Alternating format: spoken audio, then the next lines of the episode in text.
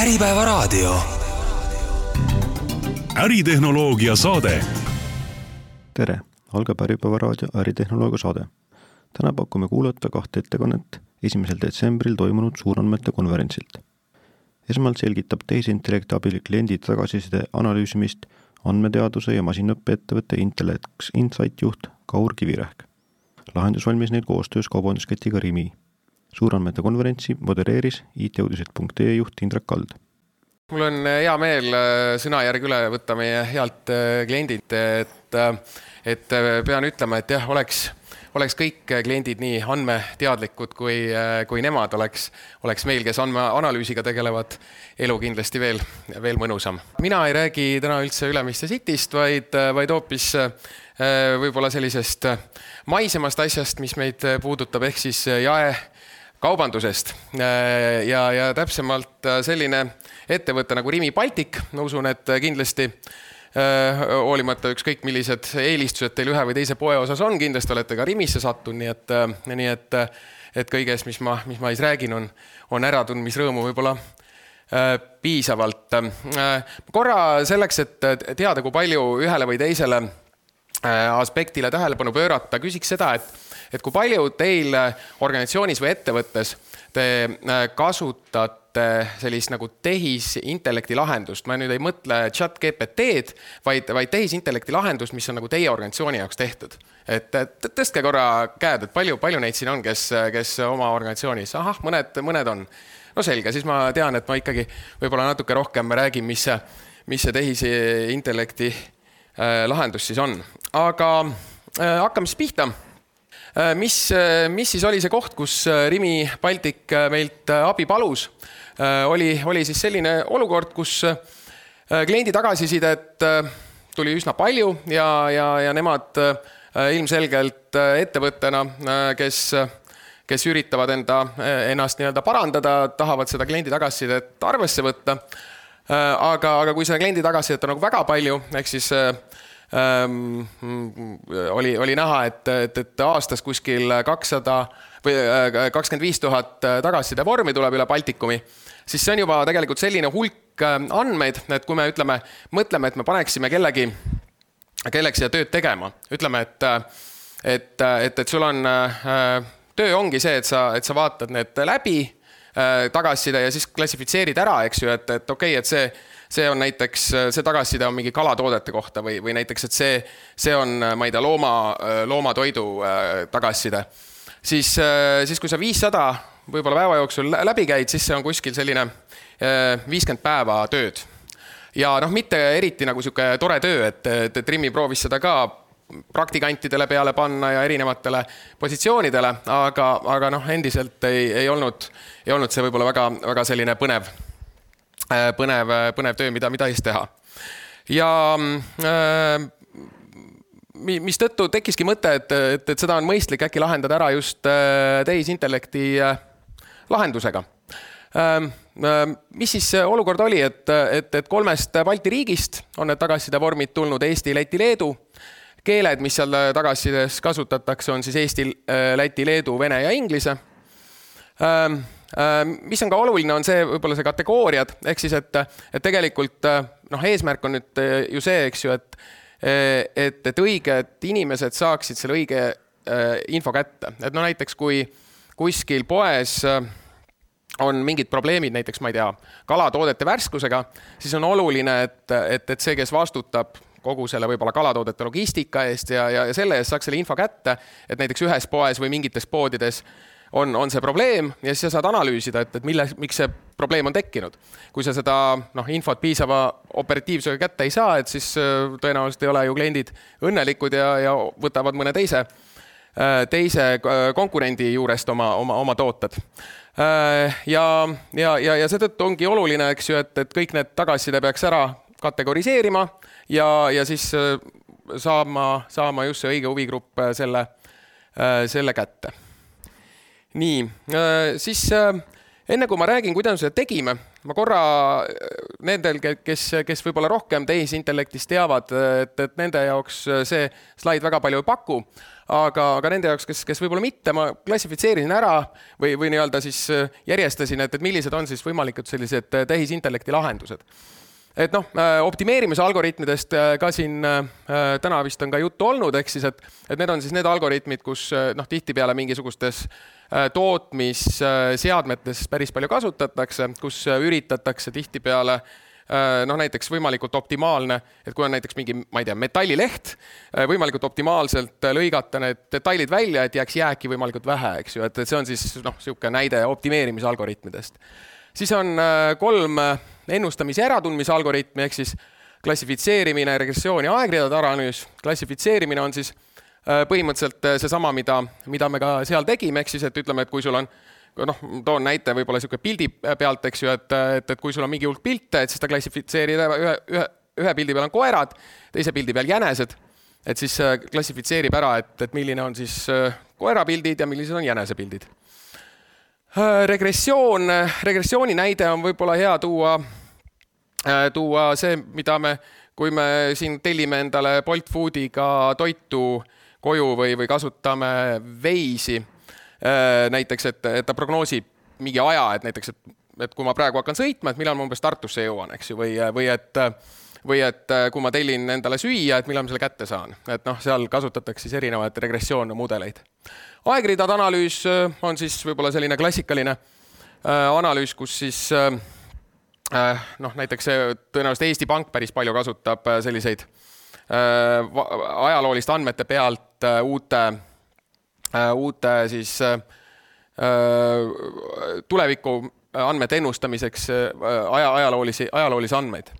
ja, ja klasterdamine viimasena on siis erinevate gruppide leidmine, mis, mis, mis võib tunduda, tunduda oluline, et, et noh, näiteks sa annad mingi hulga ütleme, et, et on vaja selgitada välja mingeid anomaaliaid mingis andmehulgas et, et siis äh, läbi selle klasterdamise äh, algoritmid on, on võimalik neid anom-, anomaaliaid tekit-, noh, nii-öelda palutagi tuvastadagi mingeid anomaalseid gruppe selles andme, andmehulgas. nii et äh, selline on siis see, see nii-öelda võimalikud algoritmid, mida siis tehisintellekti lahendustes kasutatakse. Ja meie siis jah, kasutasime seda klassifitseerimist ja kuidas siis üks selline BI äh, Äh, mitte BI, ai äh, projekt äh, käib selle Rimi, Rimi näitel. ehk siis äh, alustasime sellest, et tegelikult kõik need tagasisided tõlgiti inglise keelde. pean ütlema seda, et tegelikult me proovisime, see nii-öelda põhjus, miks me seda tegime, on see just järgmine punkt sellest, ehk siis me, me tegelikult kasutasime nii-öelda sellist tehiskeelt, mida nimetatakse siis selliseks nii-öelda semantiliste vektorite arvutamine tekstist, e-, ehk siis ähm, kohe-kohe räägin sellest täpsemalt, aga, aga lihtsalt selles mõttes, et tollel hetkel ei olnud ühtegi nii head mudelit, mis oleks eesti, läti ja leedu keelest äh, neid äh, vektoreid võimalikult hästi arvutanud. et palju parema tulemuse andis see, kui tõlkida inglise keelde ja siis arvutada, arvutada need sealt. aga need semantilised vektorid on lihtsalt öeldes seda, et näiteks ütleme, hmm, kui äh, võtame kaks mingit sõna, näiteks võtame päike siis kui me kahe vektoriga tahaks seda näiteks suure ja väik-, suur ja väike on näiteks üks vektor, millega me tahame teda iseloomustada, teine on soe ja külm. et, et, et siis selge on see, et päike on, on, on suhteliselt soe, ehk siis, et võiks, võiks võib-olla öelda, et, et sajast protsendist võib-olla sada vektori mõttes, suuruse mõttes võib-olla ka näiteks sajast protsendist, no ütleme niimoodi üheksakümmend viis, eks. noh, galaktika, eks ju, võib-olla üheksakümmend üheksa noh, noh, inimese rumalus on sada et, et noh, et selles mõttes see on nagu see vektor, kuidas seda teha. näiteks äh, jääkuubik, väike, on siis äh, tõenäoliselt selles äh, sooja-külma vektoris on, on siis kuskil võib-olla, võib-olla mingisugune viis, eks ju noh, et ikka noh, või, või ütleme võib-olla kümme, noh, et, et on ka külmemaid asju ja siis selle suure-väikse vektoris on, on ka võib-olla noh, ma ei tea, selline kümme, viisteist, midagi sellist. ehk siis läbi selle kõik need sõnad ja kõik need äh, tagasiside laused äh, siis äh, nii-öelda vektordati nii-öelda ära, ehk siis, et masin saaks sellest aru, masin oskaks neid kuskile, kuskile klassifitseerida ja oh, siin ongi väike, väike näpukas. ja siis järgmine teema oligi see, et just klassifitseerimisalgoritmide testimine ja valik oli, oli siis see, mis, mis järgmisena tehtud sai. ja, ja ütleme, tehisintellekti lahenduse loomisel ongi hästi palju sellises, sellisel nii-öelda testimisel ja katsetamisel. ehk siis, et, et, et me proovisime tegelikult noh, neid kõiki neid kolme varianti logistiline regressioon tegelikult noh, kui on inimesi, kes tehisintellekti lahendustega rohkem kokku puutuvad, teavad, et see on päris levinud valdkond. XGBoost, närvivõrgud, Perceptron on, on noh, need on võib-olla natuke uuemad algoritmid. Ja, ja noh, lihtsalt selles mõttes nende, nende võrdlusel ja tulemuste analüüsimisel, täpsuse arvestamisel osutus siis logistiline regressioon kõige, kõige sobivamaks. edasi Äh, oli, on, tuleb siis äh, ka erinevatele algoritmidele äh, parameetrid veel, veel külge panda, ma seda praegu pikemalt ei hakka rääkima, sest, sest mul nii palju aega kahjuks ei ole. ja, ja, ja siis on lõpuks tulemuste valideerimine ja testimine. ehk siis tegelikult ühe sellise ai projekti läbiviimine on hästi palju sellist nii-öelda testimist ja katsetamist erinevate mudelitega, et, et näiteks niisugune klassikaline statistilise andmetööstuse osas noh, mida, mida ka me teeme on, on see, et, et, et sa noh, nagu üsna hästi saad nagu ette prognoosida, mis etapid sa läbid selleks, et sa nagu lahenduseni jõuad äh,. ai puhul on hästi palju sellist edasi-tagasi, et loomulikult sul on mingisugune kõhutunne, et, et umbes, et neid algoritme, andmeteadlane teab, et neid algoritme ma kasutan, et noh, neid pole mõtet kasutada, aga ei ole ühte nagu sellist äh, kindlat lahendust, äh, kuidas seda teha äh, ja, ja mis siis on, et kui see, kui see nagu läbi sai käidud, et kuhu me siis jõudsime? et äh, et, et kõige olulisem ju andmemudelil on see, et, et, et see annab sulle mingisuguse tõenäosusliku väljundi. ja, ja see on ka võib-olla oluline öelda, et, et, et sa peadki äh, eristama nagu selles mõttes oma ärivajadust sellest, et kas seda on nagu mõtet teha tehisintellektiga või, või, või seda on mõtet teha traditsiooniliste vahenditega. et äh, tehisintellektiga tasub teha selliseid äh, lahendusi, kus sul, kus, kus sa nagu sa võid lubada seda, et et, et, et see tulemus ei ole täpne, sest see noh, see ei saa olla täpne, see, see on alati teatud tõenäosuslik.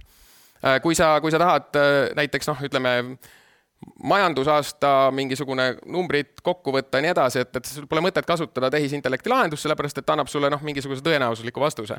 et, et seal on vaja kasutada klassikalisi statistilisi äh, meetodeid. aga antud juhul äh,, äh antud juhul oli äh, oli, oli see nagu mõistlik. ja kui me nüüd vaatamegi, kuidas see nii-öelda tulemusseadused äh, nii-öelda siis äh, kujunes, äh, et, et, et see nii-öelda täitis oma eesmärgi, sest ta suutis võimalikult kiiresti siis selle tagasiside õigetele inimestele viia ja, ja selles mõttes, et näiteks hinnata nüüd seda, et kas see mudel on nagu kasulik või mitte, tulebki vaadata tagasi seda esimest eesmärki ja, ja tuleb vaadata ka seda investeeringut sest, äh, sest selles mõttes sellesse samasse projekti äh, ma võin öelda, meie panime sada tundi tööd. Äh, me oleks võinud selle projekti teha ka viiesaja tunniga. me oleks võinud teha selle projekti ka tuhande viiesaja tunniga. ja, ja selles mõttes, et, et, et see tulemus oleks olnud selles mõttes sarnane, et, et me oleks lihtsalt selle tuhande viiesaja tunniga oleks tõenäoliselt selle nii-öelda õigete positiivsete väärtuste hulk olnud, olnud kõrgem kui, äh, kui, kui see, mis, mis me tollel hetkel saime. aga, aga ma kohe selgitan, mis see, mis see loogika seal taga oli, et, et miks see, miks see neid äh, rahuldas. ehk siis, et, et siin on ka äh, ära toodud selline asi nagu rokk-kõver, mis, mis siis näitab seda, et kui efektiivne üks või teine mudel on, et, et kõige efektiivsem on siis selline mudel, mis, mis, mis läheks niimoodi neljakandiliselt, eks ju. aga, aga sellist mudelit kahjuks teha ei saa et, et, et, et noh, mida, mida rohkem siinpool ta on, mida rohkem on õigeid positiivseid vastuseid ja mida vähem vale positiivseid vastuseid, seda parem on mudel, eks ju aga, aga antud juhul oligi äh, oluline aspekt see, et, et tagasiside äh, ei, ei kaoks kuidagi ära. ehk siis äh, klient oli valmis arvestama sellega, et, et mõnda, et ta küll võib-olla äh, mõni huvigrupp saab info mõne toote kohta, ütleme näiteks, et, et mingi toode, mingi kala, mingi asi, et, et, et, et näiteks see on, on, oli kehva või, või tähtaeg oli üle, et siis näiteks see, see toode läks nii kalagrupile kui ka näiteks loomatoidugrupile, sellepärast et see toode võis olla nagu mõlemas kohas. ja, ja seda ta ei suutnud ära testida, et kumb ta nüüd oli. ja, ja nüüd oluline oligi see, et, et, et, et, et ühe grupi puhul oli see vale, ehk siis, et ta oli, ta oli nii-öelda vale, vale positiivne Äh, sa said selle info kätte, kuigi see ei puudutanud sind. ja see ei olnud kliendi jaoks nii hull kui see, et mõni oluline info äh, jääks üldse, ehk siis see vale negatiivne, ehk siis mõni oluline äh, tagasiside jääks saamata. Neid siis oli tegelikult veidi üle ühe protsendi, kus siis, kus siis see info, info ei, ei oleks jõudnud kliendini. nii et selles mõttes äh, ai lahenduse puhul on nagu hästi oluline, ongi vaadata nagu seda, et kui palju sa oled valmis nagu panustama, mis on su eesmärk ja siis vastavalt sellele sa saad otsustada, et kuidas, kuidas siis seda, seda nii-öelda teha. Äh, ma ei hakka rääkima sellest üldisest äh, numbrist F1, äh, see on ka, et kuidas neid mudeleid, mudeleid hinnata, läheb, läheb liiga teoreetiliseks, võib-olla teinekord kellelgi on huvi, et, et siis, siis võime, võime sellest hiljem, hiljem rääkida tahtsin lihtsalt veel paar asja öelda kiirelt äh, selle kohta, et, äh, et, et kuidas siis ai lahendustega alustada, ehk siis veel kord tooks välja selle, et, et ärivajadus, et, et kui sa tead, mis on sinu ärivajadus, siis äh, sa saad ära hinnata sellele, et, et kuidas äh, et kas seda saab ai-ga lahendada või kasutada pigem traditsioonilisi meetode äh,. kui sa otsustad, et tõesti ai võiks selle ärivajaduse puhul aidata siis on tähtis, et sul oleks olemas andmed. Need andmed peab olema piisaval hulgal. Ähm, äh, noh, siin on juba see, et, et kui palju neid kategooriaid peab olema, see, seda, seda oskab meie, meie, meie hinnata. Ähm, andmed peaksid olema sarnased neile, mida sa siis hiljem tahad analüüsima hakata. ja, äh, ja siis äh, klassifitseerimise puhul on soovitav ette anda ka täpselt see väljund, et kuhu ta, kuhu ta peab siis, kuhu ta peab siis sobima nii et, äh, et, et iseenesest äh, ei ole see keeruline.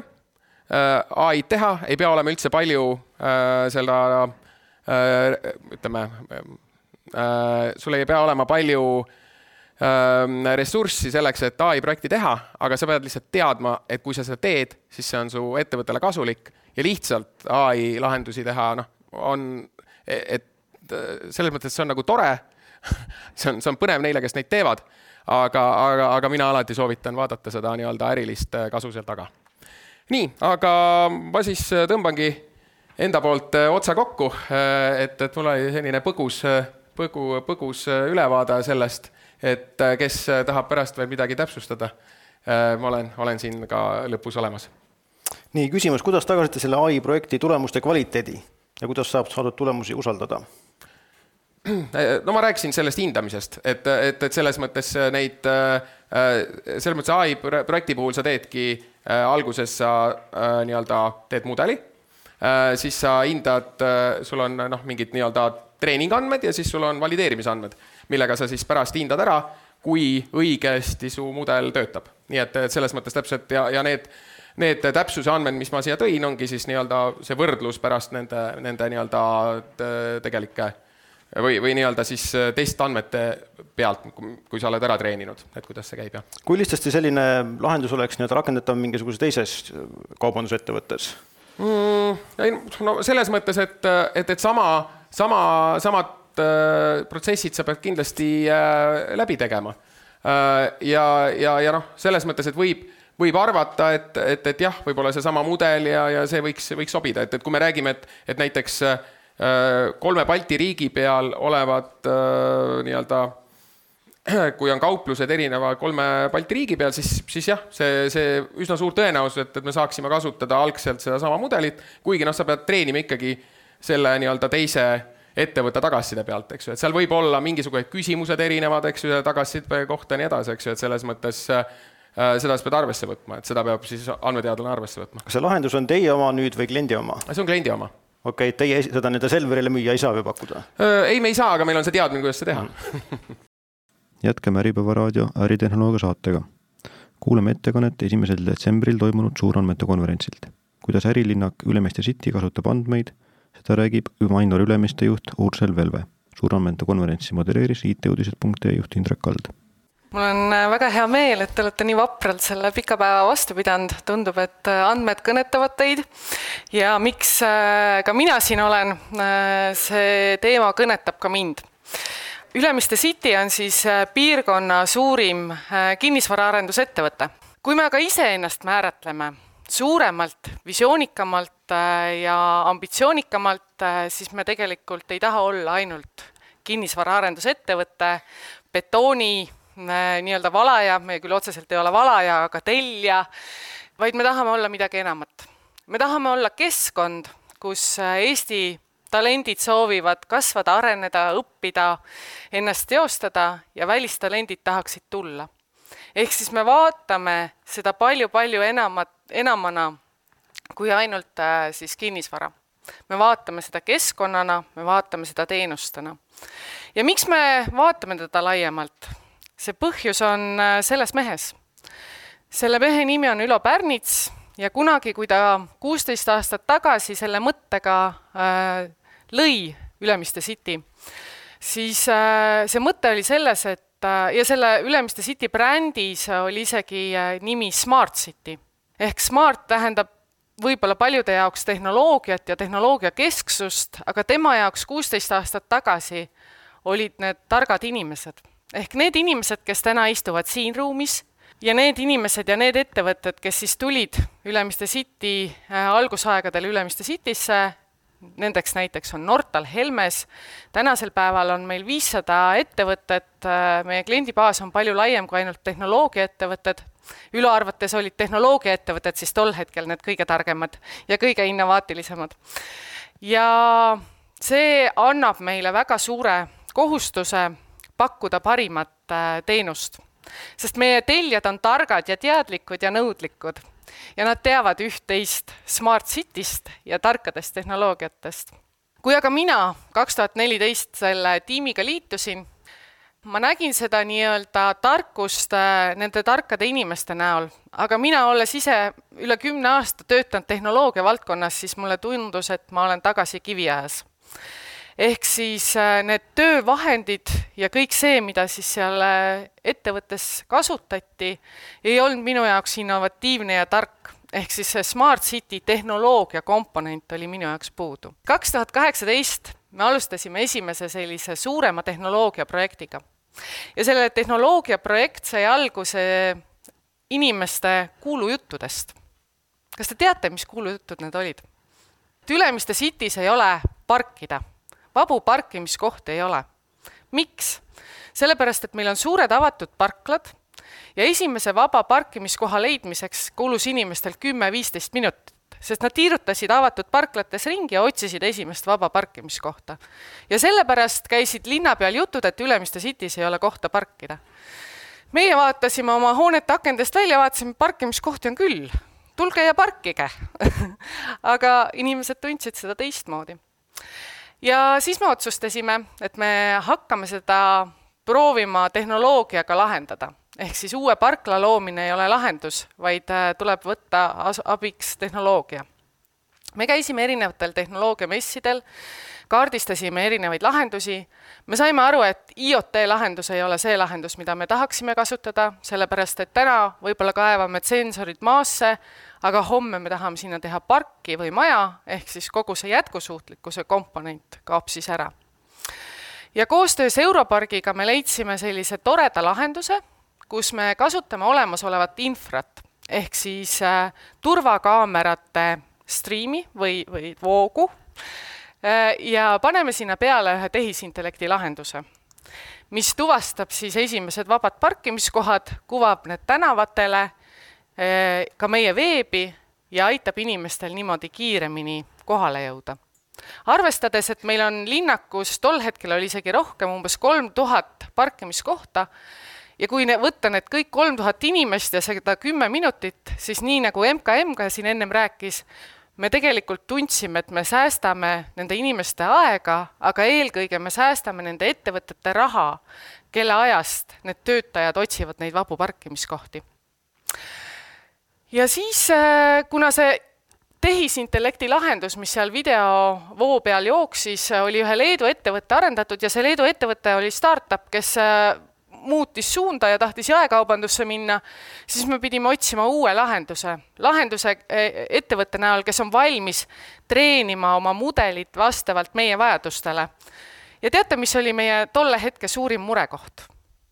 tänasesse päeva väga hästi sobiv, valge auto ja lumi kuidas teha sellele tehisintellektile selgeks, et selle valge lume peal on valge auto. aga koos Kareni ja Taaviga ja Faima andme teadlastega me siis hakkasime seda mudelit arendama ja looma, samamoodi ka seda, et äh, kuidas siis äh, nii-öelda lume peal äh, aru saada, et, et selles reas on näiteks risti-rästi autod ja kas sinna vahele mahub veel mõni auto või ei mahu.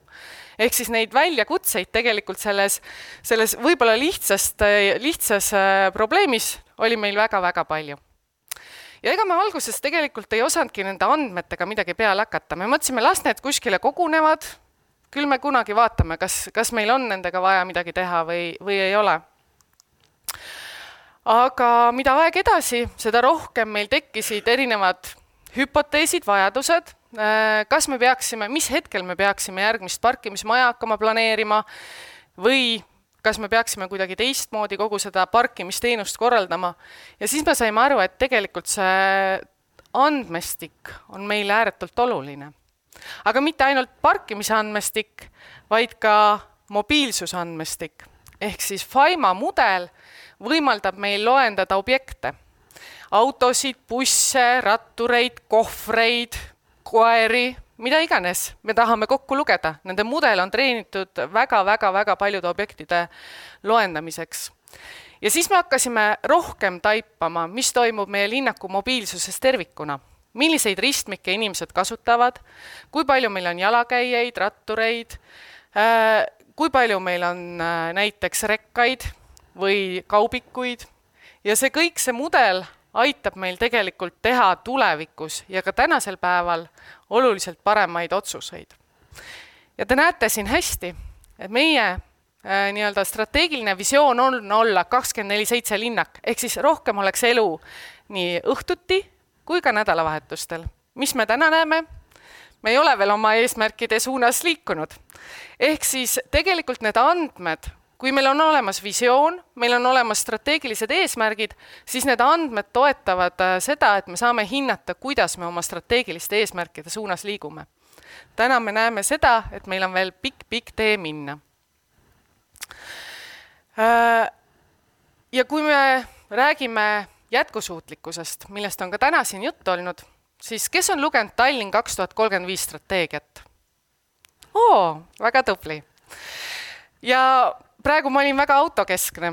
tegelikult Tallinn kaks tuhat kolmkümmend viis strateegia ütleb seda, et kaks tuhat kakskümmend viis aastal viiskümmend protsenti Tallinna inimesi liigub ühistranspordiratastega või jala ja kaks tuhat kolmkümmend viis liigub seitsekümmend protsenti ühistranspordiratastega või jala ja kui me mõtleme nüüd täna neid andmeid, kus me täna oleme, me oleme ka Tallinna linnalt küsinud, et kas te teate üldse, mis teie baastase on et, et kuhu, kui palju te peate liikuma ja kuidas siis iga aastaga edasi liigute, siis äh, tegelikult me näeme, et äh, tee on veel pikk käia.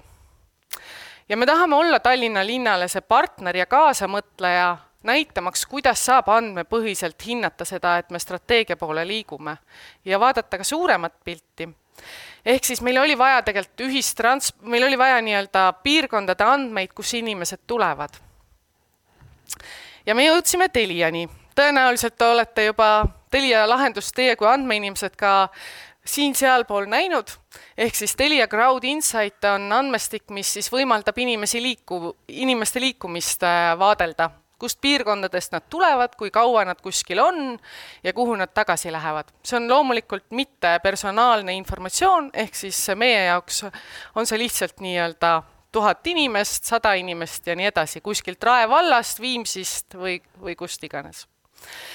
ja kui me Teliaga hakkasime seda lahendust juurutama, siis juhtus see asi, et äh, tegelikult vaadake neid kaste. antenni grid või siis antenni katvusala on nii suur, et meie Ülemiste City alasse läheb sisse Tallinna lennujaam kõigi oma reisijatega osaliselt, siis äh, T1 ja Ülemiste keskus. Ja siis äh, me mõtleme seda, et kuidas me saaks hinnata oma jalajälge näiteks, liikuvuse jalajälge läbi Telia Crowd Insighti. meil hetkel seda lahendust ei ole, meil on mõtteid, kuidas me saame äh, seda andmestikku Teliaga paremaks, ehk, siis me saaksime päriselt andmepõhiseid otsuseid teha ja soovitusi anda Tallinna linnale, kuidas ühistranspordivõrku siis Ülemiste alale parendada. aga see on pikk tee ja, aga miks ma tõin selle siia, on selleks, et ma tahtsin näidata, et äh, neid andmeallikaid on väga palju, neid kokku pannes kindlasti saame me täpsema väärtuse või parema väärtuse, aga tegelikult on veel väga-väga pikk tee minna, et selle pealt teha näiteks mobiilsuse või liikuvuse otsuseid. ja kui me tuleme nüüd Tallinn kaks tuhat kolmkümmend viis strateegia juurde ja ratastega liikumise juurde, siis me otsustasime, et me toome oma nii-öelda andmeaita veel juurde andmeid, ehk siis kuidas tegelikult inimesed, kui paljud inimesed käivad rattaga ja pargivad äh, rattaid Ülemiste Citysse. see andmestik on Bikekeepi andmestik. väga tubli Eesti startup, mis võimaldab päriselt mõõta, mitu unikaalset sessiooni, mitu korduvat sessiooni, kui tihti see nii-öelda unikaalne või korduv sessioon kui pikalt ta meil viibib ja nii edasi. ja miks see meile oluline on, meile kui keskkonnaarendajatele, on see, et äh, me teeme keskkonna sekkumisi. näiteks eelmisel suvel me panime ühe autode sõiduraja kinni ja andsime selle ratastele. Ja võib-olla on teist siin ka mõned inimesed, kes Ülemiste City's töötavad, äh, me kuulsime väga palju tagasisidet üldiselt Eesti inimene ei anna ju tagasisidet, kõik on ju nagu üldiselt hästi, aga kui tulevad punased rattarajad ja autodelt võetakse ruumi, antakse ratastele, siis Eesti inimene võtab sõna. ja see on üliäge, see on üliäge äh, keskkonnaarendajana, sest siis sa saad päriselt diskussiooni astuda. sa saad arutleda teemadel, miks, kuidas ja mismoodi. Aga selle, selle nii-öelda piloodi tagasiside oli see, et tegelikult ju rattureid tänavatel ei liigu, et miks te annate terve sõiduraja ratturitele. aga tegelik andmestik näitas seda, et ratturid liiguvad tipptundidel nagu autodki. ehk siis hommikul sisse linnakusse ja õhtul välja ja kui sina lähed lõuna ajal, jalutad äh, lõunasöögikohta, siis sa ei pruugigi väga rattureid näha ehk siis äh, see andmete analüüs ja kokkutoomine on tegelikult meie jaoks oluline ja me tihtipeale toomegi neid esialgu, nii-öelda vaatame, mis andmeid meil linnakus on ja kuidas me saame neid kokku tuua, võrrelda ja analüüsida viisil, et aru saada, kas sealt tuleb mingi trend, kas me, kas meie keskkonna sekkumine omab mingit mõju või pigem ei oma. väga huvitav äh, trend on siin, see on Suur-Sõjamäe tänava poolt linnakusse liikuv ratturite arv ja, ja me mõtlesime, et täiesti kohutav, Suur-Sõjamäel on, see on ratturite jaoks selline koht, mis ei ole üldse nii-öelda rattasõbralik. Kui inimesed räägivad, et nad ei saa rattaga sõita sellepärast, et see keskkond ei ole toetav, siis see trendijoon näitab midagi teistsugust, siin on nagu kamikaatsed heas mõttes. et, et ja kui me nüüd Tallinna linna juurde läheme ja ütleme, et meil on vaja järgmiseid arendusi teha, kas siis infrasse, teedesse, rattateedesse, siis meil on päris andmed, mille pealt me saame nendega läbirääkimisi pidada. hooned, see on äh, väljavõte meie viimase hoone BIM mudelist. BIM mudel on siis andmemudel hoonest, kus on siis hoone kõik komponendid põhimõtteliselt ära kirjeldatud ja mida me tahame teha andmepõhiselt, on siis tulevikus hoonet projekteerides juba arvutada välja hoone jalajälje. mis on iga selle hoone, ma ei tea, klaasfassaadi komponendi jalajälg ja me juba projekteerides saame teha tarku otsuseid, teadmaks, kas meie hoone on jätkusuutlik või ei ole. Täna kõike seda andmestikku ei ole. nagu MKM-i esindaja ütles, et see hakkab tegelikult sellest ühest äh, nii-öelda tootjast pihta, kes hakkab andmeid sisestama kuskile süsteemi, siis ta tuleb läbi süsteemi hoonemudelisse, siis ta liigub sealt hoonehaldusesse, läbi mille juhitakse kõiki neid tehnosüsteeme. siin on sadu tuhandeid andmepunkte, mis igapäevaselt koguvad infot ja edastavad nii-öelda käske siis nendele tehnosüsteemidele. Ja sinna peale oleme me äh, pannud siis koostöös R8 Technology'ga äh, sellise robot Jenny või tehisintellekt Jenny, kes siis igapäevaselt jälgib äh, hoone sisekliimat ja inimeste soove sisekliima osas ning ka välistemperatuuri, energiahindu ning läbi selle korrigeeris selles hoones kümne kuu jooksul äh, saja kahekümne viies äh, andmepunktis äh, tegi erinevaid sada kolmteist tuhat erinevat nii-öelda muudatust. ükski inimene ei ole võimeline seda tegema, vähemalt meie haldustiim, mis on neljaliikmeline, ei ole võimalis-, võimeline tegema neid täi-, täi-, nii-öelda parendusi ja täiendusi. ja tänu sellele me tegelikult säästsime sada kakskümmend kaks tuhat eurot kümne kuu jooksul energiakulu, mis ei ole ainult meie sääst, vaid on ka meie ettevõtete sääst, kes on meie kliendid.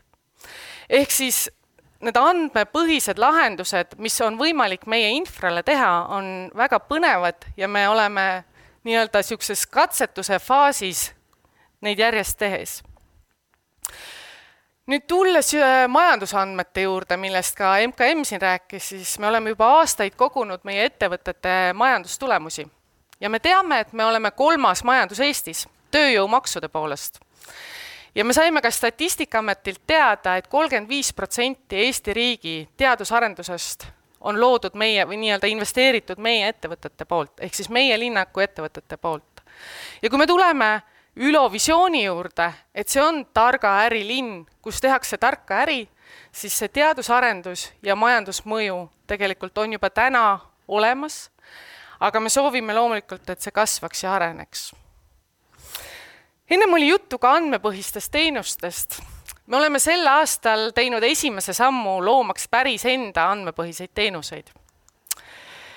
näiteks me oleme, tuli, tõime turule Green City teenuse, kus siis kõik need majade tarbimisandmed kuvatakse vastavalt kliendi tarbimisele tema töölauale ja ta saab automatiseeritud kujul tegelikult need andmed välja võtta ja oma raportitesse esitada.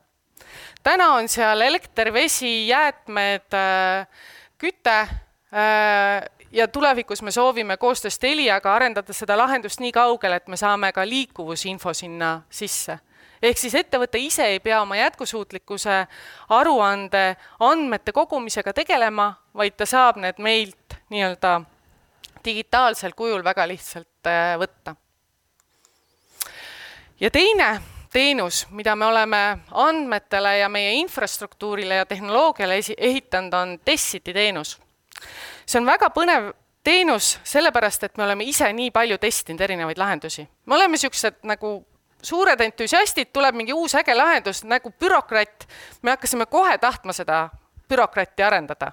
jah, me ei ole veel sellega turule tulnud, sest meil on olnud teised asjad ees, aga kõiki neid uusi testimisi me nii-öelda imame sisse nagu svamm ja siis me nägime selles, et äh, tegelikult äh, see on ka väärtus nendele ettevõtetele, tehnoloogiaettevõtetele, startup idele, aga ka suurtele korporatsioonidele.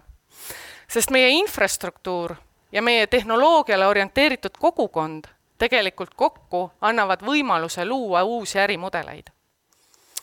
siin on üks näide. R8 tehnoloogia lahendus, millest ma ennem rääkisin, äh, kui me paneme sinna juurde või pakume sinna juurde näiteks uksekaartide läbipääsu informatsiooni iga korruse kohta või kui Kone annab oma liftidest informatsiooni selle kohta, kui palju inimesi ühele korrusele tuleb, siis me saame tegelikult seda R8 mudelit veel täpsemaks, korrusepõhiseks ja läbi selle me saame hoone veelgi efektiivsemaks ja energiasäästlikumaks. Ehk siis tuues kokku näiteks suurkorporatsiooni Eesti startup'i, me võime luua täiesti uue ärimudeli ja see on ka meie Tessiti üks äh, suund. aga situatsioonides, kus me ise ei ole enam piisavalt targad ja need ettevõtted võib-olla ka on oma ärimudelites kinni, siis me panustame teadusesse. meil on oma targa linna professuur, kes, mis siis äh, tegutseb kolmel suunal. linnade äh, mobiilsusmudelid, linnade vitaalsusmudelid ja linnade majandusmudelid miks me selle professuuri lõime, oli see, et meile tundus, et Tallinna linn tegi väga palju õhi- või nii-öelda selliseid meeldib, ei meeldi tasandil otsuseid, mitte andmepõhiseid otsuseid.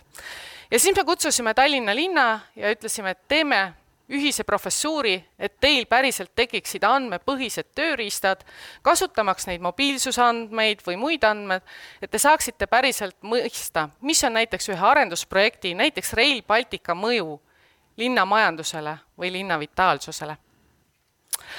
aga ükski linn ja ükski ettevõte ei püsi ilma inimesteta. ja need inimesed, me soovime ju, et on terved. seetõttu oleme me Tartu Ülikooliga loonud Ülemiste City tervisemudeli, kus äh, siis me vaatame, kuidas keskkond nagu Ülemiste City tööta-, ettevõtted oma väärtuste ja juhtimisideoloogiatega ning inimesed ise mõjutavad inimeste vaimset, füüsilist ja sotsiaalset tervist. ja kui tulla andmete juurde, siis me tegime testi, sada päeva, sada inimest häkkis oma tervist koos mentorite ja nii-öelda meditsiinitöötajatega. ja me saime aru, et tegelikult äh, on seal väga palju vajaka, terved inimesed näit-, seal näitas, et tegelikult see istuv eluviis juba kätkeb endas ohumärke.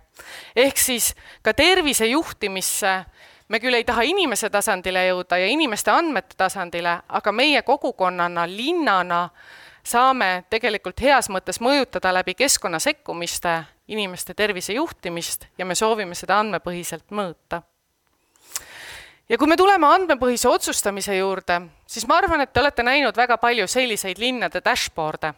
meie käsitleme ennast ka ühe väikse linnana. aga meie, see dashboard on selline, mis toob kokku siis erinevad nii-öelda andmed, on see siis liikuvus või mis iganes. aga meie jaoks on oluline see inimene. ehk siis meie oleme loonud Ülemiste City radari, kus me oleme pannud talendi keskele ja sinna kõrvale vaadanud neid erinevaid äh, talenti mõjutavaid äh, valdkondi. see on keskkond, teenused, kogukond, teadmised ja majandus. ja me oleme loonud sinna läbi nende erinevate tehnoloogiliste lahenduste, mis ma ennem välja tõin, radari mõõdikud, kus siis erinevad andmepunktid läbi nende abi me saame mõõta, kas me päriselt nende strateegiliste eesmärkide suunas liigume. näiteks, kas me täidame oma jätkusuutlikkuse eesmärke. ja me oleme sinna taha sel aastal loonud suure infrastruktuuri ja meie erinevad andmeallikate andmed on sinna infrastruktuurile kokku toodud. sealhulgas siis mobiilne positsioneerimine, erinevad sensorid ja nii edasi ja tegelikult me järjest rohkem oleme ka koputanud MKM-i äh, Statistikaameti ja EMTA ustele, et saada kõiki neid andmeid sinna meie radarisse automaatselt. mul on hea meel, et see töö on käimas, nii et me saame ka oma nii-öelda radaris Ülemiste City majandusandmeid esitleda mitte enam kahe aasta taguste välpadega, vaid ikkagi juba loodetavasti tulevikus reaalajas. aga miks me seda kõik teeme? Me teeme sellepärast seda, et me tunneme keskkonnaloojatena vastutust nende inimeste heaolu eest, kes meie linnakus on. ja me tahame olla linnadele, ka Tallinna linnale hea näide, kuidas võib inimsõbralikult ja andmepõhiselt linna juhtida ja ma loodan, et meie näite põhjal me arendame paremat Eesti riiki ja edukamat Eesti majandust. aitäh teile!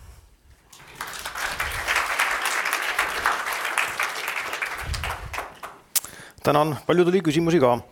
kui palju te jagate või olete valmis siis kogutud andmeid avaandmetena jagama? me oleme teel selle suunas, et äh, nagu ma ütlesin, siis me oleme kogu selle nii-öelda andmeinfrastruktuuriga sel aastal väga põhjalikult tegelenud, meil on oma andmeait, nii et äh, kindlasti lähtuvalt siis case'ist, aga, aga me oleme väga avatud koostööle, et äh, nii erinevate ülikoolide ja organisatsioonide kui ka riigiga üks küsimus sisaldab väikest sellist eeldust või kommentaari, et see näib väga julge ootus, et Tallinna linn arvestab teie ettepanekuid. kust tuleb selline kindlus? me ei anna alla ja me selles suhtes, äh, ma usun, et meil on tegelikult Tallinna linnaga väga hea koostöö, et äh, et nad võtavad meid kuulda ja me julgelt jagame kõiki oma nii-öelda pilootprojektide tulemusi nendega ja, ja ma arvan, et see, kui me ei vastandu, vastandu üksteisele, vaid mõtleme, kuidas me saame üksteist aidata, on suurem väärtus, et ma arvan, meedias on väga palju ikkagi seda vastandumist olnud, aga me püüame teistmoodi enne oli jutuks, et lisaks autodele inimestele saab lugeda ka loomi või koeri täpsemalt. kas koeri käib teil rohkem nädala sees või nädalavahetusel? Nädala sees sest tavaliselt nad, nad käivad kontoris. oma peremeestega kaasas, meil on ka koertele loodud spetsiaalne aed, kus saab siis koera mänguaed, eelmine suvi lõime. nii et äh, koerad on väga oodatud ja nad valdavalt, mina olen märganud neid nädala sees. Teil on siis nii lasteaed kui koerteaed? täpselt koerte hoidjat veel ei ole, võib-olla keegi tahab seda teha. mis on see protsent Tallinna liiklejatest täna, kes liigub jala, ühistranspordi või rattaga? Umbes, ennem oli juttu nagu perspektiivist. jah, meil on see kuskil viiskümmend on nii, et meil ongi juba pooleks, et pooled liiguvad ühistranspordi ratast, noh, ütleme rattureid talvel on vähem, aga Tallinna linnas äh, see trend on muidugi olnud äh, nii-öelda vähenemise suunas, et äh, ma peast ei tea, kuskil Statistikaameti või kuskil lehe peal, mitte statistika, vaid Transpordiameti lehe peal on tegelikult need viimased infod olemas, kui ma õieti mäletan, et ma peast ei julge praegu numbrit öelda. Nii, mis on kõigi nende andmete põhjal, mida te olete kogunud siin linnakust veel puudu, et tallinnid oleksid õnnelikud? või võib-olla nad juba on, aga mida veel? jaa, jaa. no mida me ikkagi ise tahame väga edasi arendada, on see tervisejuhtimine terviseandmed on väga-väga nagu personaliseeritud ja väga, me ei tahagi neid perso-, nii-öelda terviseandmeid kuidagi nagu inimese tasandil näha. küll aga me tahaksime trende näha, ehk siis kui me teeme mingi, ma ei tea, spordiväljaku, äh, jooksuraja, kõnnikoosoleku raja, mille me tegime, et kas see kuidagi aitab inimeste tervist edendada ja, ja see, ma arvan, on see suurim nii-öelda unistus, mille suunas me tahaksime koos Tartu Ülikooli ja erinevate projektide kaudu liikuda, aga, aga ma arvan, seal me oleme nagu kõige kaugemal. ja noh, ütleme see digitaalse kaksiku loomine nii-öelda füüsilise, digitaalse ja infrastruktuuri ehk siis maal olevate digitaalsete kaksikute loomine on ka kindlasti nagu väga suur töömaht. et ei oleks nii, et kui ehitaja kaevab, siis on ups, seal ikkagi oli üks kaabel. et, äh, et see digitaalse kaksiku ja selle kasutamine nii-öelda projekteerimise, ehituse protsessis äh, ja ka halduses hiljem, et see on, see on ka üks suund, kuhu me tahame väga minna ja, ja seal me oleme juba esimesi samme läbi EAS-i digitaliseerimise meistriklassi teinud, me osalesime seal oma PIM-mudelil põhineva haldus äh, nii-öelda protsessiga ja halduslahendusega, nii et, et liigume sinna suunas. ambitsioone on palju nii, kas ja millal plaanite esimese ehitatud maja lammutada ja uue ehitada või on tasuvam seda maja renoveerida? see renoveerimisprotsess käib kogu aeg, sest muidu lihtsalt nõudlust ei ole et äh, praegu me ei ole niisugust nii-öelda kardinaalselt väl-, välisfassaadi äralammutamist teinud uuematel majadel, küll aga käib meil Eesti suurim lammutusprojekt, et äh, siis Nõukogude ajal ehitatud tähesõdade hall, äh, mis oli siis mõeldud Nõukogude Liidu tuumasõja elementide tootmiseks, on praegu lammutuses, kuna sinna tuleb Ericssoni uus arenduskeskus, nii et kui mööda sõidate, vaadake, lammutusprotsess käib aga jah, muid äh, hooneid me oleme praegu nii-öelda jooksvalt seestpoolt äh, pigem re remontinud ja renoveerinud. kuulasite Mainor Ülemiste juhi Ursel Võlve ettekannet esimesel detsembril toimunud Suuramete konverentsilt. saate esimeses pooles rääkis andmetöötlusettevõtte Intellex Insight juht Kaur Kivirähk. sellega on äritehnoloogia saade lõppenud